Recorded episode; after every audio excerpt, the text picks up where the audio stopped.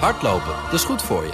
En Nationale Nederlanden helpt je daar graag bij. Bijvoorbeeld met onze digitale NN Running Coach... die antwoord geeft op al je hardloopvragen. Dus, kom ook in beweging. Onze support heb je. Kijk op nn.nl slash hardlopen.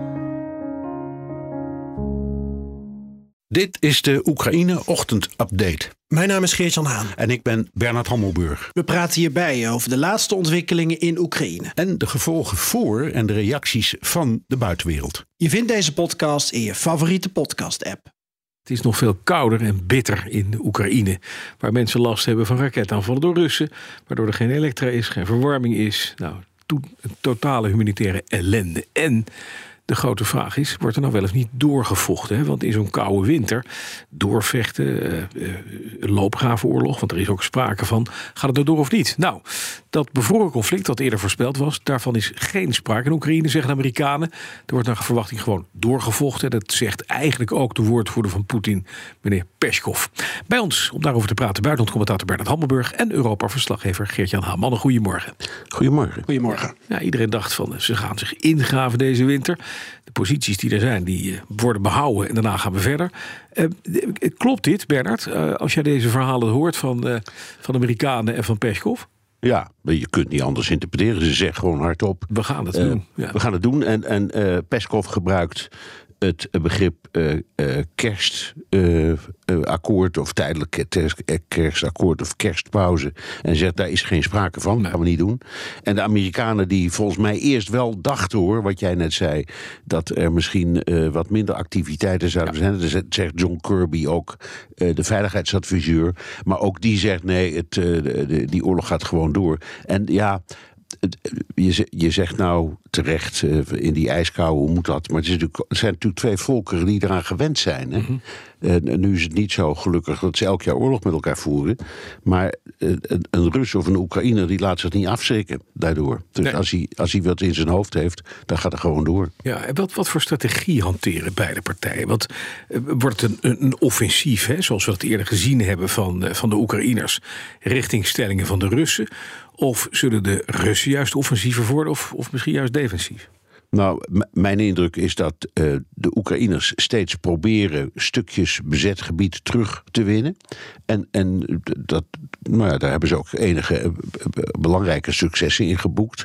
Maar heel veel verder lukt dat niet. Hm. En andersom proberen de Russen die stukjes weer terug te uh, winnen. En ook dat loopt niet echt heel hard. Dus ja, we hebben het, Geert-Jan en ik hebben het er ook vaak over. Het is een soort heen en weer millimeteren aan dat front. Ja. Maar, maar, maar uh, netto kun je zeggen dat de Oekraïners toch echt wel indrukwekkende winst hebben geboekt. Ja. Uh, in, ja. in, in de af, afgelopen tijd. Absoluut. Geert-Jan?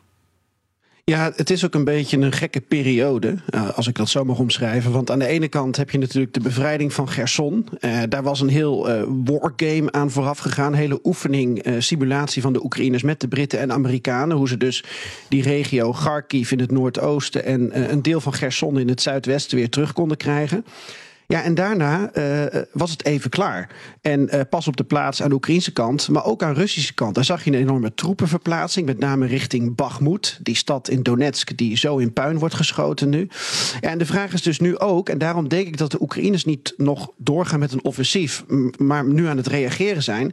De vraag is, wat, wat gaan al die Russische troepen doen? Mm -hmm. Gaan die zo hard inzetten op uh, Bakhmut om die stad in handen te krijgen, ook al is er niks meer van over, dat de Russen dat kunnen presenteren als een overwinning? Willen de Oekraïners dat, koste wat het kost, voorkomen om ervoor te zorgen dat uh, ja, uh, moreel in, in Rusland niet omhoog gaat?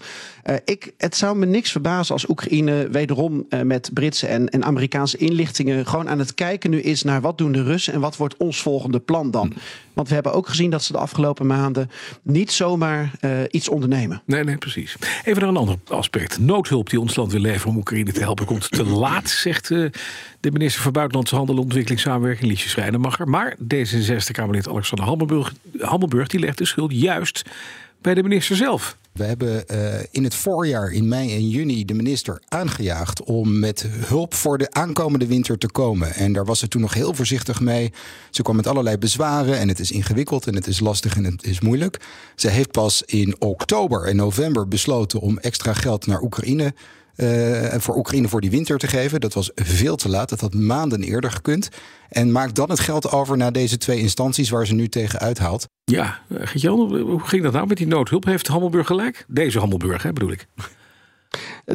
Deze Hammelburg eh, refereert aan een interview dat ik dinsdag had met minister Schrijnemacher in Parijs. En toen gaf zij um, twee financiële instellingen, dus de, de, de EBRD, de Europese uh, Wederopbouwbank, uh, en de Wereldbank, een, een sneer. Zo van ja, wij hebben het geld overgemaakt, doe er wat mee.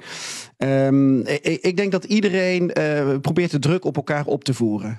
Ja, de Kamer is al veel langer bezig met ervoor te zorgen dat er meer geld klaarkomt voor, um, voor Oekraïne in de winter. Want daar gaat het eigenlijk om. Um, ik denk dat Schrijnemacher zelf misschien ook wel harder had willen lopen, maar dat ze misschien weer afhankelijk is van, van ambtenaren. hoe je het ook went of keert. ik weet dat er contact is geweest tussen Schrijnemacher en de EBRD, die Europese Wederopbouwbank, in oktober. Nou, dan ga je dus samen kijken hoe kun je een pakket samenstellen. Daar is een pakket van enkele honderden miljoenen uitgekomen, waarbij de Amerikanen en de Nederlanders en de EBRD met z'n allen kijken: kunnen we die stroomvoorziening van Oekraïne hiermee financieren mm en, en, en repareren?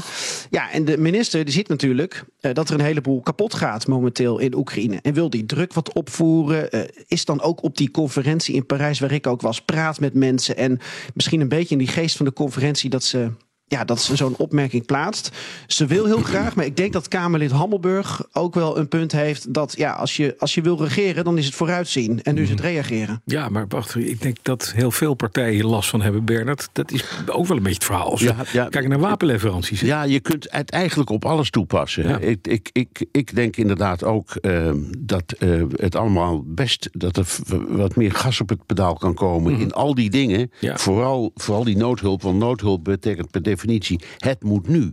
Maar het probleem bij alles, zelfs als het via al die kanalen zo snel mogelijk loopt, dan gaan daar toch nog vaak weken en maanden overheen. Voor zover het echt gebeurt. Wat wapenleveranties betreft, is het helemaal, nou ja, in die zin tamelijk dramatisch. Hè? Amerika heeft nu besloten, of gaat vandaag besluiten, om Patriot-installaties uh, uh, op te zetten. Da, elk uh, van, die, installatie, die, van die installaties heeft 80 of 90 man, man nodig. Precies. Worden ja. allemaal opgeleid. Dan moet je die spullen er nog heen zien te krijgen. Mm -hmm. Ik vraag me af en toe ook af, hoe komt het er? Want dat zijn grote dingen.